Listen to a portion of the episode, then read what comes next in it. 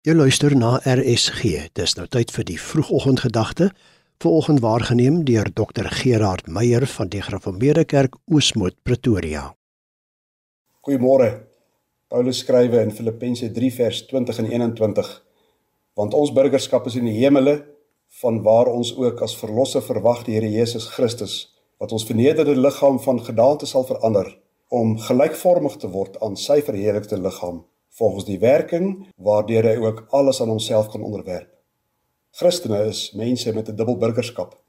Christen Suid-Afrikaners het Suid-Afrikaanse burgerskap en te gelyk hemelse burgerskap. Die dag as 'n mens sterf, dan bly net die hemelse burgerskap oor.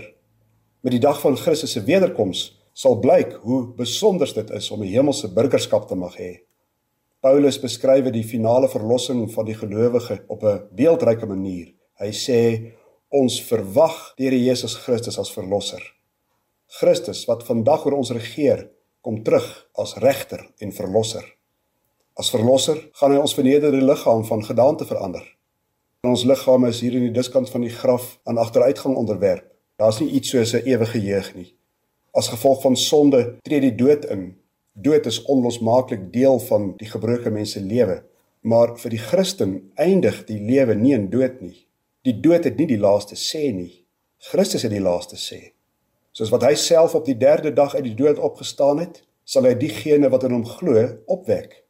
Soos wat hy self met 'n gesonde, verheerlikte liggaam op Paas Sondag die graf verlaat het, sal diegene wat in hom glo met gesonde, verheerlikte liggame opstaan.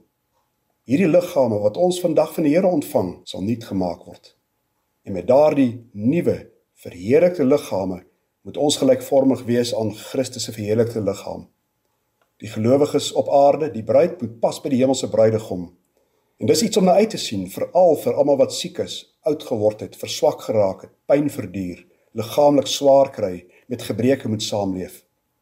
Ons is op pad na ons hemelse eindbestemming. En in die hemelse heerlikheid sal Christus alles aan homself onderwerp.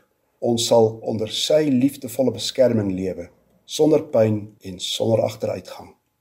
Met die oog daarop loop ons die pad hier op aarde in gehoorsaamheid aan ons verlosser tot eer van God. Ons Vader seën ons in hierdie pad. Maak ons geduldig as ons swaar kry. Laat ons moed hou en moed skep tot U eer. Amen.